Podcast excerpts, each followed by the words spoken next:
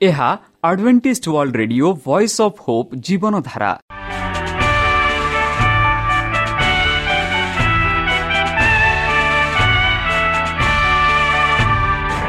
Odia radio କାର୍ଯ୍ୟକ୍ରମ ଯାହା ଆମର ଆନ୍ତର୍ଜାତୀୟ ଆଘାତ କେନ୍ଦ୍ରରୁ ପ୍ରସାରଣ କରାଯାଉଛି ପ୍ରତିଦିନ ରାତି ନଅଟା ତିରିଶ ମିନିଟ୍ରେ। ମୁଁ ସୁବ୍ରତ କୁମାର ପତି ପ୍ରେମର ସହ ଆପଣମାନଙ୍କୁ ଏହି କାର୍ଯ୍ୟକ୍ରମକୁ ସ୍ୱାଗତ କରୁଅଛି। ଚାଲନ୍ତୁ ଆଜିର ତିରିଶ ମିନିଟ୍ର କାର୍ଯ୍ୟକ୍ରମ ବିଷୟରେ ଜାଣିନେବା। ପ୍ରଥମେ ରଖିଛୁ ଆଧ୍ୟାତ୍ମିକ ଭକ୍ତିମୟ ଗୀତ।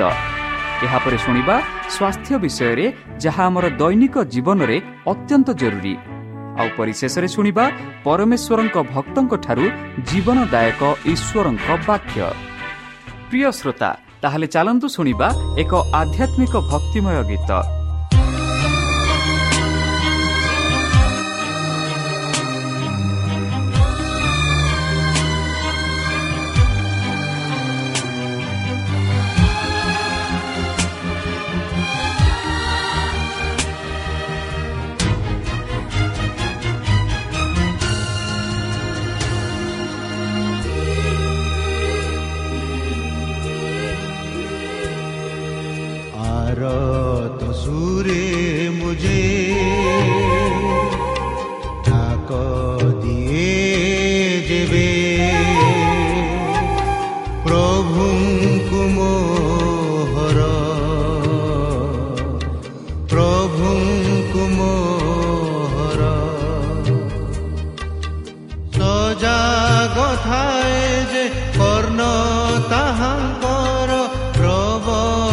ती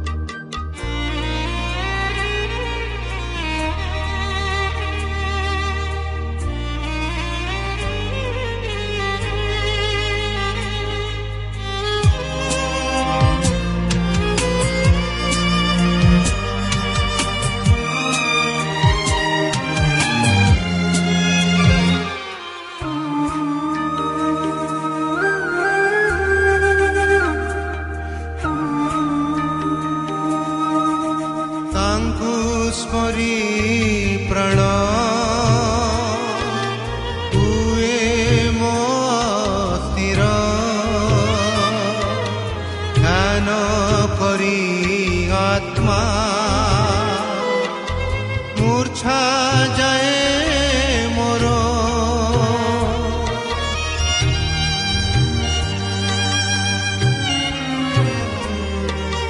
কহি পারে নাহি মুজে কথা কিছি রাতি সারা জাগি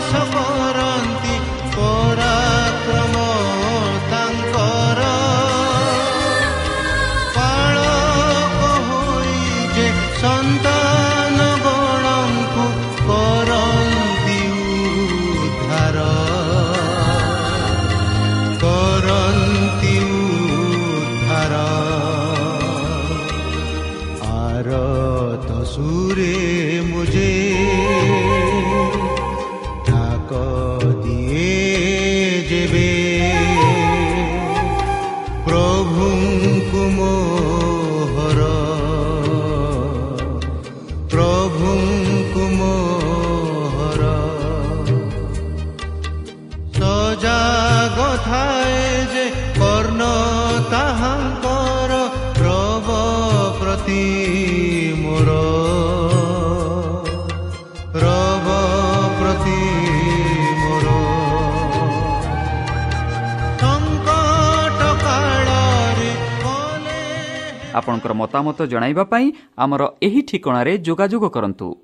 ଆମ ଠିକଣା Adventist media centre SDA mission compound Salisbury park Pune ଚାରି ଏକ ଏକ ଶୂନ ତିନି ସାତ ମହାରାଷ୍ଟ୍ର। ବା ଖୋଲନ୍ତୁ ଆମର ୱେବସାଇଟ୍ ଯେକୌଣସି android phone smartphone desktop laptop କିମ୍ବା ଟ୍ୟାବ୍ଲେଟ୍ ଆମର website W W W dot A W R dot O R G slash O R I ଏବଂ W W W dot Adventist media centre India dot O R G ବର୍ତ୍ତମାନ ଚାଲନ୍ତୁ ଶୁଣିବା ଈଶ୍ୱରଙ୍କ ଭକ୍ତଙ୍କଠାରୁ ଈଶ୍ୱରଙ୍କ ଜୀବନଦାୟକ ବାକ୍ୟ। ଲୋକେ ଧନ୍ୟ। ନମସ୍କାର ପ୍ରିୟ ଶ୍ରୋତା ସେହି ସର୍ବଶକ୍ତି ସର୍ବଜ୍ଞାନୀ ପ୍ରେମର ସାଗର ଦୟାମୟ ଅନ୍ତର୍ଜମୀ ଅନୁଗ୍ରହ ପରମ ପିତାଙ୍କ ମଧୁର ନାମରେ ମୁଁ ପାଷ୍ଟର ପୂର୍ଣ୍ଣଚନ୍ଦ୍ର ଆଉ ଥରେ ଆପଣମାନଙ୍କୁ ଏହି କାର୍ଯ୍ୟକ୍ରମରେ ସ୍ୱାଗତ କରୁଅଛି ସେହି ସର୍ବଶକ୍ତି ପରମେଶ୍ୱର ଆପଣମାନଙ୍କୁ ଆଶୀର୍ବାଦ କରନ୍ତୁ ଆପଣଙ୍କୁ ସମସ୍ତ ପ୍ରକାର ଦୁଃଖ କଷ୍ଟ ବାଧା କ୍ଲେଶ ଓ ରୋଗରୁ ଦୂରେଇ ରଖୁ ଶତ୍ରୁ ସୈତାନ ହସ୍ତରୁ ସେ ଆପଣଙ୍କୁ ସୁରକ୍ଷାରେ ରଖନ୍ତୁ। ତାହାଙ୍କ ପ୍ରେମ ତାହାଙ୍କ ସ୍ନେହ ତାହାଙ୍କ କୃପା ତାହାଙ୍କ ଅନୁଗ୍ରହ ସଦାସର୍ବଦା ଆପଣଙ୍କଠାରେ ସହବର୍ତ୍ତୀ ରହୁ। ପ୍ରିୟସତା ଚାଲନ୍ତୁ। ଆଜି ଆମ୍ଭେମାନେ କିଛି ସମୟ ପବିତ୍ର ଶାସ୍ତ୍ର ବାଇବଲଠୁ ତାହାଙ୍କ ଜୀବନଦାୟକ ବାକ୍ୟ ଧ୍ୟାନ କରିବା।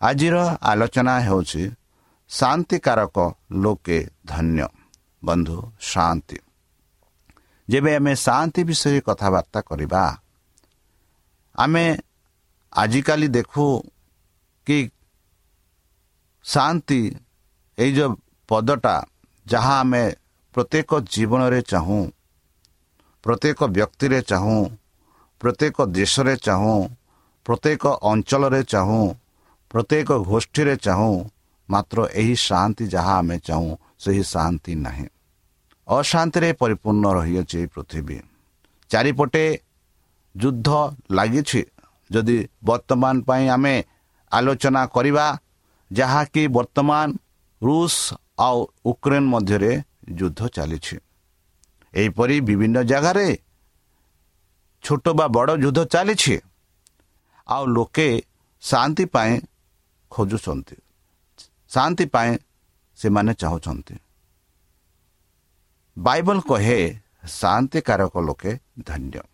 ଯେଉଁମାନେ ଶାନ୍ତିକାରକ ଅନ୍ୟମାନଙ୍କ ପାଇଁ ଶାନ୍ତି କରିବେ ବା ଶାନ୍ତି ଭାବରେ ବ୍ୟବହାର କରିବେ ଶାନ୍ତିକାରକ ଲୋକେ ଧନ୍ୟ ବୋଲି ଯୀଶୁଖ୍ରୀଷ୍ଟ କହିଥିଲେ। ବନ୍ଧୁ ହୃଦୟରେ ଶୁଦ୍ଧତାର ଶକ୍ତିଶାଳୀ ହାତର କାର୍ଯ୍ୟରେ ସୃଷ୍ଟିକର୍ତ୍ତାଙ୍କ ବିବେଚନା କରେ ସୌନ୍ଦର୍ଯ୍ୟର ଜିନିଷରେ ଯାହା ବ୍ରହ୍ମାଣ୍ଡକୁ ନେଇ ଗଠିତ ତାଙ୍କ ଲିଖିତ ବାକ୍ୟରେ ସେମାନେ ସ୍ପଷ୍ଟ ରେଖାରେ ପଡ଼ିଲେ ତାଙ୍କ ଦୟା ତାଙ୍କର ଭଳତା ଏବଂ ତାଙ୍କ ଅନୁଗ୍ରହର ପ୍ରକାଶ ଜ୍ଞାନ। ଜ୍ଞାନୀ ଏବଂ ବିଚ୍ଛକ୍ଷଣର ଲୁଚି ରହିଥିବା ସତ୍ୟଗୁଡ଼ିକ ବାବୁମାନଙ୍କ ପାଇଁ ପ୍ରକାଶ ପାଇଥାଏ। ସତ୍ୟର ସୌନ୍ଦର୍ଯ୍ୟ ଏବଂ ମୂଲ୍ୟବାନତା ଯାହା ସାଂସାରିକ ଜ୍ଞାନୀମାନଙ୍କ ଦ୍ୱାରା ଅବିସ୍ମରଣୀୟ କ୍ରମାଗତ ଭାବରେ ସେହି ମାନଙ୍କ ପାଇଁ ଉନ୍ନତିତ ହେଉଛି। ଯେଉଁମାନଙ୍କ ବିଶ୍ୱାସୀ ସନ୍ତାନ ସଦୃଶ ଇଚ୍ଛା ଅଛି ଏବଂ ଈଶ୍ୱରଙ୍କ ଇଚ୍ଛା କରିବାକୁ। ବନ୍ଧୁ ଆମେ ଦିବ୍ୟ ବା ଈଶ୍ୱରୀ ପ୍ରକୃତି ଅଂଶ ହୋଇ ସତ୍ୟକୁ ବିବେଚନା କରୁ। ବନ୍ଧୁ ହୃଦୟର ଶୁଦ୍ଧତାର ଏହି ଦୁନିଆରେ ସେଗୁଡ଼ିକୁ ଗଠନ କରିବା ସମୟରେ ଈଶ୍ୱରଙ୍କ ହୃଦ ଦୃଶ୍ୟମାନେ ଉପସ୍ଥିତ ପରି ବଞ୍ଚିଥାଏ ଏବଂ ସେମାନେ ଭବିଷ୍ୟତରେ ତାଙ୍କୁ ମହାମୟୀ ଦେଖିବେ। ଆମର ଅବସ୍ଥାରେ ଯେପରି ଆଦାମ ଏଦନରେ ଈଶ୍ୱରଙ୍କ ସହ ଚାଲିଥିଲେ ଏବଂ କଥା ହୋଇଥିଲେ ବର୍ତ୍ତମାନ ଆମେ ଏକ ଗ୍ଲାସ୍ ମାଧ୍ୟମରେ ଅନ୍ଧାରରେ ଦେଖୁ କିନ୍ତୁ ତାପରେ ମହାମୟୀ ଦେଖୁ ବୋଲି ପ୍ରଥମ କରତି ତେର ବାରରେ କୁହେ ବନ୍ଧୁ ଶାନ୍ତିକାରକ ଲୋକେ ଧନ୍ୟ। କାରଣ ସେମାନେ ଈଶ୍ୱରଙ୍କ ସନ୍ତାନ ବୋଲି ଖ୍ୟାତ ହେବେ ବୋଲି ଆମେ ଦେଖୁଅଛୁ। ଆଉ ସେଇ ଶାନ୍ତିକାରକ ମାନେ କିଏ? ସେଇ ଶୁଦ୍ଧ ହୃଦୟର ଲୋକମାନେ। ଖ୍ରୀଷ୍ଟ ଅଛନ୍ତି ଶାନ୍ତିର ରାଜକୁମାର ବୋଲି ଆମେ ଯିଶା ପୁସ୍ତକ ନଅ ଛଅରେ ଦେଖୁଅଛୁ। ଏବଂ ପାପ ଭାଙ୍ଗିଥିବା ଶାନ୍ତିକୁ ପୃଥିବୀ ଏବଂ ସ୍ୱର୍ଗକୁ ପୁନରୁଦ୍ଧାର କରିବା ତାଙ୍କର କାର୍ଯ୍ୟ ଥିଲା ବୋଲି ଆମେ ଦେଖୁଅଛୁ ବନ୍ଧୁ। ଯେପରି ରୋମିଓ ପାଞ୍ଚ ଏକରେ ଆମେ ଦେଖୁ ଅଥବା ଏହା ଆହୁରି ସୁନିଶ୍ଚିତ ଯେ ଆମ୍ଭେମାନେ ଏବେ ତାହାଙ୍କର ରକ୍ତ ଦ୍ୱାରା ଧାର୍ମିକତା ଗଣିତ ହେବାକୁ ତାହାଙ୍କ ଦ୍ୱାରା ଈଶ୍ୱରଙ୍କ କ୍ରୋଧରୁ ରକ୍ଷା ପାଇବା। ବନ୍ଧୁ ଯିଏ ପାପ ତ୍ୟାଗ କରିବାକୁ ଏବଂ ଖ୍ରୀଷ୍ଟ ପ୍ରେମ ପାଇଁ ଦୟାଳୁ ଖୋଲିବାକୁ ସମ୍ମିତ ହୁଏ ସେ ଏହି ସ୍ୱର୍ଗୀୟ ଶାନ୍ତିର ଏକ ଅଂଶ ହୋଇଥାଏ। ବନ୍ଧୁ ଶାନ୍ତିକାରକ ଲୋକେ ଧନ୍ୟ କାରଣ ସେମାନେ ଈଶ୍ୱରଙ୍କ ସନ୍ତାନ ବୋଲି ଖ୍ୟାତ ହେବେ। ବନ୍ଧୁ ଏହା ବ୍ୟତୀତ ଶାନ୍ତିର ଅନ୍ୟ କୌଣସି ଆଧାର ନାହିଁ। ଖ୍ରୀଷ୍ଟଙ୍କ ଅନୁଗ୍ରହ ହୃଦୟରେ ଗ୍ରହଣ କଲା ଶତ୍ରୁତାକୁ ବଶୀଭୂତ କରେ। ଏହା କଳହଳ ଓହ୍ଲାଏ କରେ ଏବଂ ଆତ୍ମାକୁ ପ୍ରେମରେ ପରିପୂର୍ଣ୍ଣ କରେ। ସେ ଯିଏ ଈଶ୍ୱରଙ୍କ ଏବଂ ତାଙ୍କ ସାଥୀମାନଙ୍କ ସହିତ ଶାନ୍ତିରେ ଅଛନ୍ତି ତାଙ୍କୁ ଦୁଃଖିତ କରାଯାଇପାରିବ ନାହିଁ। ଈର୍ଷା ତାଙ୍କ ହୃଦୟରେ ରହିବ ନାହିଁ। ମନ୍ଦ ଅନୁମାନ ସେଠାରେ କୌଣସି ସ୍ଥାନ ପାଇବ ନାହିଁ ବନ୍ଧୁ। ଘୃଣା ଦିବ୍ୟମାନ ହୋଇପାରିବ ନାହିଁ। ଈଶ୍ୱରଙ୍କ ସହ ସମ୍ବୋଧନୀୟ ରକ୍ଷା କରୁଥିବା ହୃଦୟ ସ୍ୱର୍ଗର ଶାନ୍ତି ଏକ ଅଂଶ ଏବଂ ଏହାର ଆଶୀର୍ବାଦ ପ୍ରଭାବକୁ ଚାରିଆଡ଼େ ବିସ୍ତାର କରିବ। ଶାନ୍ତିର ଆତ୍ମା ହୃଦୟ କ୍ଳାନ୍ତ ଏବଂ ସାଂସାରିକ କଳହଳରେ ଆସୁଥିବାରେ ପୀଡ଼ିଥିବା କାକର ପରି ବିଶ୍ରାମ ନେବ ବୋଲି ଆମେ ଭାବୁଅଛୁ ବନ୍ଧୁ ଖ୍ରୀଷ୍ଟଙ୍କ ଅନୁଗାମୀମାନଙ୍କ ଶାନ୍ତିର ବାର୍ତ୍ତା ସହିତ ବିଶ୍ୱକୁ ପଠାଯାଇଅଛି।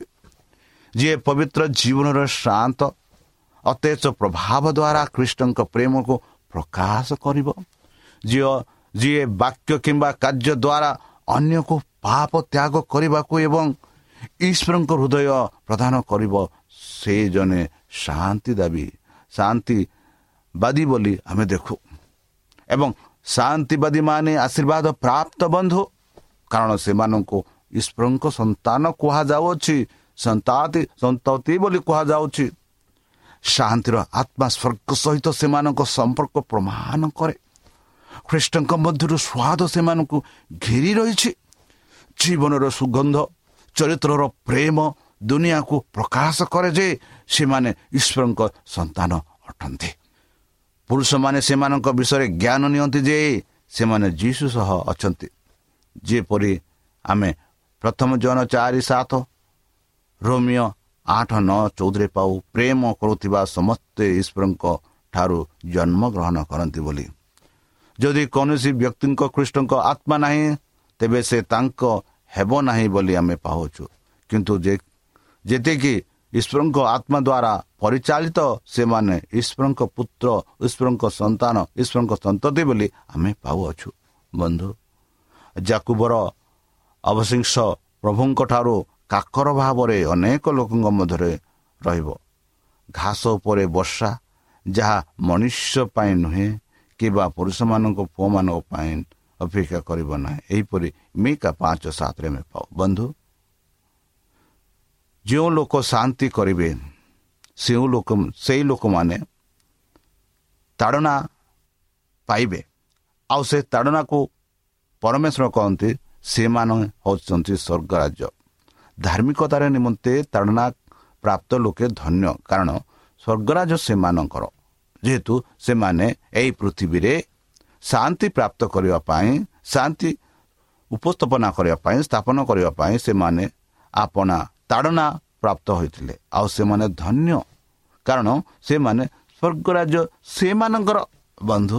ଯୀଶୁ ତାଙ୍କ ଅନୁଗାମୀ ଅନୁଗାମୀମାନଙ୍କୁ ପୃଥିବୀ ଗୌରବ ଏବଂ ଧନ ପାଇବାର ଆଶା ଉପସ୍ଥାପନା କରନ୍ତି ନାହିଁ ଏବଂ ପରୀକ୍ଷାରୁ ମୁକ୍ତ କରିବ ଜୀବନ ପାଇବାର ଆଶା କରନ୍ତି ନାହିଁ। କିନ୍ତୁ ସେ ସେମାନଙ୍କୁ ଗୁରୁଙ୍କ ସହ ଆତ୍ମ ଅସ୍ୱୀକାର ଏବଂ ନିନ୍ଦା ପଥରେ ଚାଲିବାର ସୌଭାଗ୍ୟ ଉପସ୍ଥାପନା କରନ୍ତି।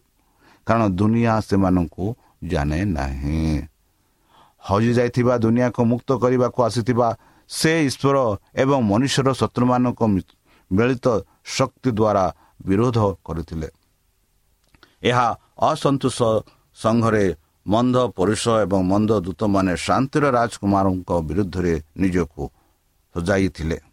ଯଦିଓ ତାଙ୍କର ପ୍ରତ୍ୟେକ ବାକ୍ୟ ଏବଂ କାର୍ଯ୍ୟ ଈଶ୍ୱରୀୟ କରୁଣା ନିଶ୍ୱାସ ତ୍ୟାଗ କଲା। ଦୁନିଆ ପ୍ରତି ତାଙ୍କର ଅସମ୍ଭବତା ତିକ୍ତ ଚତୁର୍ଥାର ଉଭେଜିତ କଲା। କାରଣ ସେ ଆମ ପ୍ରକୃତିର ମନ୍ଦ ଆବେଗର ବ୍ୟବହାର ପାଇଁ କୌଣସି ଲାଇସେନ୍ସ ଦେବେ ନାହିଁ। ସେ ଭୟଙ୍କର ବିରୋଧ ଏବଂ ଶତ୍ରୁତାକୁ ଜାଗ୍ରତ କରିଥିଲେ। ତେଣୁ ଖ୍ରୀଷ୍ଟ ଯୀଶୁଖ୍ରୀଷ୍ଟଙ୍କ ଠାରେ ଈଶ୍ୱରଙ୍କ ସହିତ ହିଁ ବଞ୍ଚିବେ। ଧାର୍ମିକତା ଏବଂ ପାପ ପ୍ରେମ ଏବଂ ଘୃଣ୍ୟ ସତ୍ୟ ଏବଂ ମିଥ୍ୟା ମଧ୍ୟରେ ଏକ ଅଦମ୍ୟ ବିବାଦ ଅଛି। ଯେତେବେଳେ ଜଣେ ଖ୍ରୀଷ୍ଟଙ୍କ ପ୍ରେମ ଏବଂ ପବିତ୍ରାର ସୌନ୍ଦର୍ଯ୍ୟ ଉପସ୍ଥାପନାର କରେ ସେ ଶୈତନ ରାଜ୍ୟର ବିଷୟଗୁଡ଼ିକର ଛଡ଼ାଇ ନିଅନ୍ତି ଏବଂ ମନ୍ଦ ରାଜକୁମାର ଏହାର ପ୍ରତିରୋଧ କରିବାକୁ ଜାଗ୍ରତ ହୁଅନ୍ତି। ନିର୍ଯାତନା ଏବଂ ନିନ୍ଦା ଖ୍ରୀଷ୍ଟଙ୍କ ଆତ୍ମାରେ ପରିପୂର୍ଣ୍ଣ ସମସ୍ତଙ୍କୁ ଅପେକ୍ଷା କରେ। ନିର୍ଯାତନାର ଚରିତ୍ର ସମୟ ସହିତ ପରିବର୍ତ୍ତନ ହୁଏ। କିନ୍ତୁ ନୀତି ଆତ୍ମା ଯାହା ଏହାକୁ ଅନ୍ତର୍ଭୁକ୍ତ କରେ। ସମାନ ଯାହା ଅବହେଳଙ୍କ ଦିନକୁ ଦିନରୁ ପ୍ରଭୁଙ୍କ ମଣିତ ହତ୍ୟା କରିଛନ୍ତି ଯେପରିକି ଏବଂଙ୍କ ସମୟରେ ହତ୍ୟା ହେଇଥିଲା। ବନ୍ଧୁ ଯେହେତୁ ପୁରୁଷମାନେ ଈଶ୍ୱରଙ୍କ ସହ ସମ୍ବନ୍ଧନୀୟ ରକ୍ଷା କରିବାକୁ ଚାହାନ୍ତି ସେମାନେ ପାଇବେ ଯେ କୃଷର ଅପରୋଧ ବନ୍ଧ ହୋଇନାହିଁ। ଉଚ୍ଚ ସ୍ଥାନରେ ସେହି ସିଦ୍ଧାନ୍ତ ଏବଂ ଶକ୍ତି ଏବଂ ଦୁଷ୍ଟ ଆତ୍ମା ସମସ୍ତଙ୍କ ବିରୁଦ୍ଧରେ ଆଜ୍ଞାମାଳ ହୋଇଥାଏ। ଯେଉଁମାନେ ସ୍ୱର୍ଗର ନିୟମକୁ ଆଜ୍ଞାମାଳ ନିଅନ୍ତି। ତେଣୁ ଦୁଃଖ ଦୃଷ୍ଟି କରିବା ଠାରୁ ଦୂରେଇ ନିର୍ଯାତନା ଖ୍ରୀଷ୍ଟ ଶିଷ୍ୟମାନଙ୍କ ପାଇଁ ଆନନ୍ଦ ଆଣିବା ଉଚିତ। କାରଣ ଏହା ଏକ ପ୍ରମାଣ ଯେ ସେମାନେ ସେମାନଙ୍କୁ ଗୁରୁଙ୍କ ପାହାରରେ ଅନୁସରଣ କରୁଛନ୍ତି। ବନ୍ଧୁ ପ୍ରଭୁ ତାଙ୍କ ଲୋକଙ୍କୁ ପରୀକ୍ଷାରୁ ମୁକ୍ତ କରିବାକୁ ପ୍ରତିଶ୍ରୁତି ଦେଇ ନଥିବାର ବେଳେ ସେ ପ୍ରତିଶ୍ରୁତି ଦେଇଛି ଯେ ଏହା ବହୁତ ଭଲ। ଯାହା ଆମେ ଦ୍ୱିତୀୟ ବିବରଣ ତେତିଶ ପଚିଶ ଦ୍ୱିତୀୟ କରନ୍ତି ବାର ନରେ ଆମେ ପାଉଛୁ। ସେ କହନ୍ତି ତୁମର ଦିନ ପରି ତୁମର ଶକ୍ତି ମଧ୍ୟ ରହିବ। ମୋର ଅନୁଗ୍ରହ ତୁମ ପାଇଁ ଯଥେଷ୍ଟ କାରଣ ମୋ ଶକ୍ତି ଦୁର୍ବଳତାରେ ସିଦ୍ଧ ହେଉଛି। କେତେ ସୁନ୍ଦର ଭାବରେ ଆମ ପରମେଶ୍ୱରମାନଙ୍କୁ ଆଶ୍ୱାସନା ଦେଉଛନ୍ତି। ବନ୍ଧୁ ଯଦି ତୁମକୁ ତାଙ୍କ ପାଇଁ ଜ୍ୱଳନ୍ତ ଚୁଳି ଦେଇ ଯିବାକୁ ଡକାଯାଏ ଯୀଶୁ ତୁମ ପାଖରେ ରହିବେ। ଏପରିକି ସେ ବାଇବଲରେ ବିଶ୍ୱସ୍ତ ଜିନିଷଙ୍କ ସହିତ ଥିଲେ ଲୋକଙ୍କ ସହିତ ଥିଲେ। ଯେଉଁମାନେ ସେମାନଙ୍କ ଉଦ୍ଧାରକର୍ତ୍ତାଙ୍କୁ ଭଲ ପାଆନ୍ତି ସେମାନେ ତାଙ୍କ ସହିତ ଅପମାନ ଏବଂ ନିନ୍ଦା ବାଣ୍ଟିବାରେ ପ୍ରତ୍ୟେକ ଯୁଗରେ ଆନନ୍ଦିତ ହେଲେ। ସେମାନେ ସେମାନଙ୍କ ପ୍ରଭୁଙ୍କ ବହନ କରୁଥିବା ପ୍ରେମ ତାଙ୍କ ପାଇଁ ଯନ୍ତ୍ରଣାକୁ ମଧୁର ହୋଇଥିଲା। ସବୁ ଯୁଗରେ ଶୈତାନ ଈଶ୍ୱରଙ୍କ ଲୋକଙ୍କୁ ନିର୍ଯାତନା ଦେଇଛି ବନ୍ଧୁ। ସେ ସେମାନଙ୍କୁ ନିର୍ଯାତନା ଦେଇଛନ୍ତି ଏବଂ ସେମାନଙ୍କୁ ହତ୍ୟା କରିଛନ୍ତି। କିନ୍ତୁ ମରିବାର ସେମାନେ ବିଜେତା ହୋଇଥିଲେ। ସେମାନେ ସେମାନଙ୍କ ସ୍ଥିର ବିଶ୍ୱାସରେ ଶୟତାନ ଅପେକ୍ଷା ଏକ ଶକ୍ତିଶାଳୀ ପ୍ରକାଶ କରିଥିଲେ। ଶୟତାନ ଶରୀରକୁ ନିର୍ଯାତନା ଦେଇ ହତ୍ୟା କରିପାରନ୍ତି କିନ୍ତୁ ସେ ଈଶ୍ୱରଙ୍କ ମଧ୍ୟରେ ଖ୍ରୀଷ୍ଟଙ୍କ ସହ ଲୁଚି ରହିଥିବା ଜୀବନକୁ ସ୍ପର୍ଶ କରିପାରିବେ ନାହିଁ। ସେ କାରାଗାରର କାନ୍ଥରେ କାରାଗାରରେ ରହିପାରନ୍ତି କିନ୍ତୁ ସେ ଆତ୍ମାକୁ ବାନ୍ଧି ପାରିଲେ ନାହିଁ। ସେମାନେ ଗୌରବର ଆନ୍ଧ ଅନ୍ଧକାରରେ ବାହାରେ ଦେଖିପାରିବେ। ମୁଁ ଭାବୁଛି ଯେ ଏହି ବର୍ତ୍ତମାନର ସମୟର ଯନ୍ତ୍ରଣା ଆମ ମଧ୍ୟରେ ପ୍ରକାଶିତ ଗୌରବ ସହିତ ତୁଳନା କରିବାକୁ ଯୋଗ୍ୟ ନୁହେଁ। ଆମର ହାଲୁକା ଯନ୍ତ୍ରଣା ଯାହା କିନ୍ତୁ କିଛି କ୍ଷଣ ପାଇଁ ଆମ ପାଇଁ ଗୌରବର ଅଧିକରୁ ଅଧିକ ଏବଂ ଅନନ୍ତ ଓଜନ କାର୍ଯ୍ୟରେ ଅଛି ବୋଲି ରୋମିଓ ଆଠ ଅଠରରେ ଅଦ୍ୱିତୀୟ କରନ୍ତି ଚାରି ସତ୍ରରେ ପ୍ରକାଶ କରେ।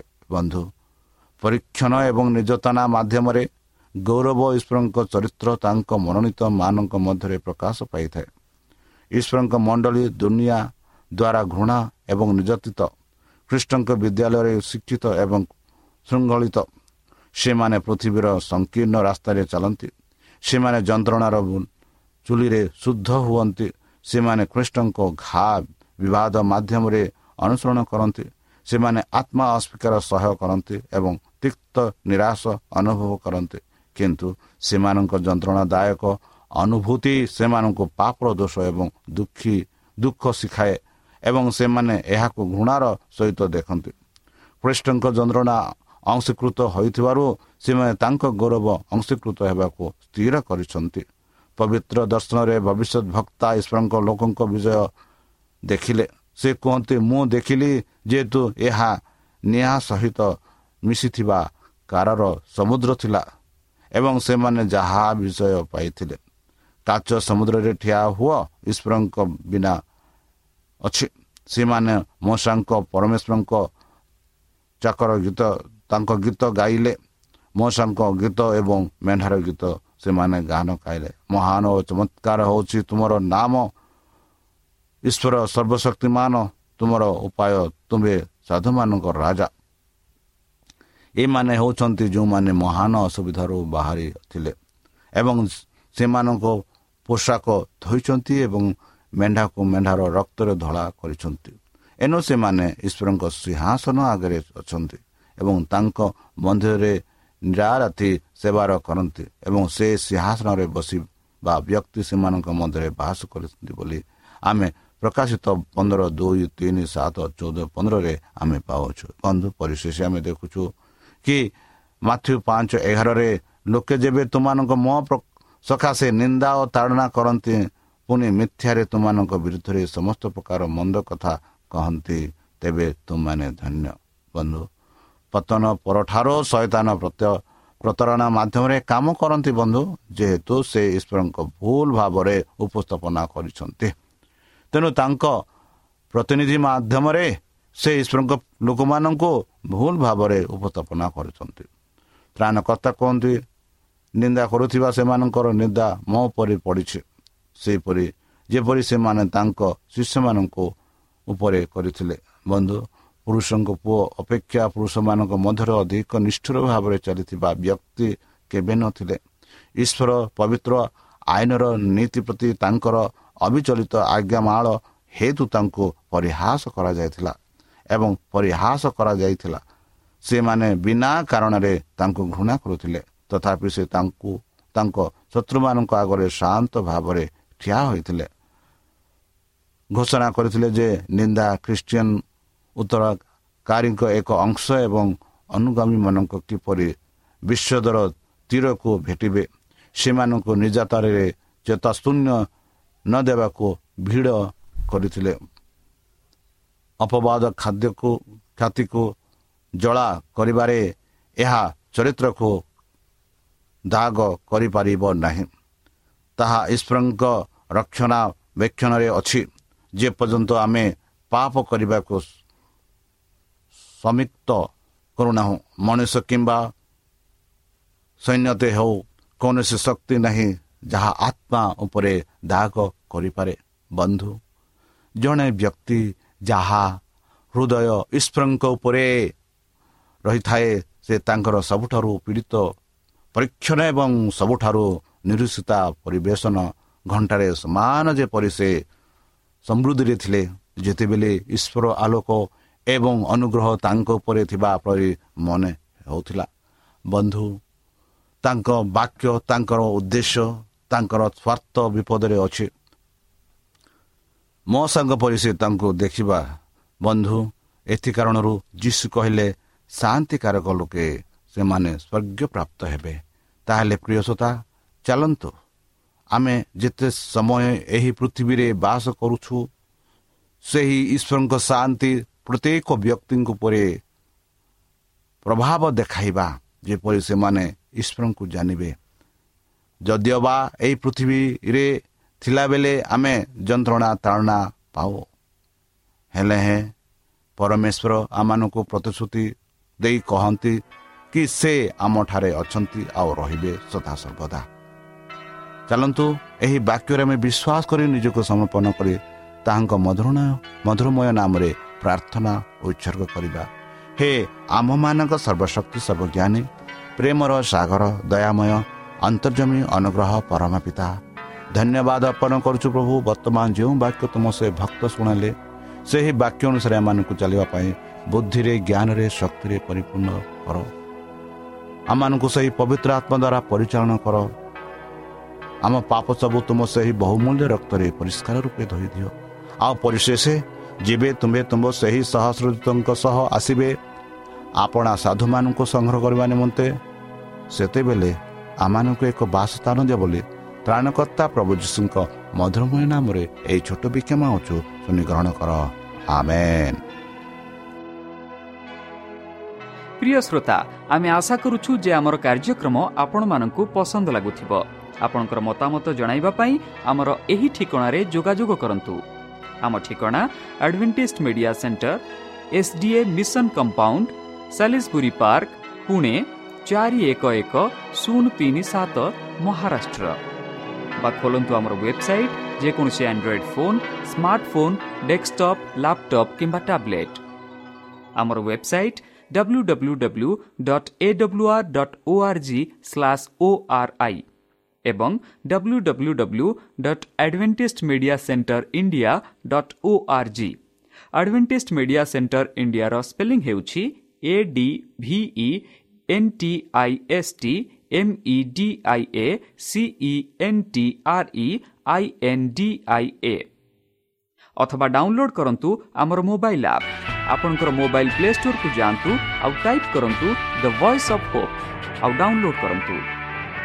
ଈଶ୍ୱର ଆପଣଙ୍କୁ ଆଶୀର୍ବାଦ କରନ୍ତୁ। ଧନ୍ୟବାଦ।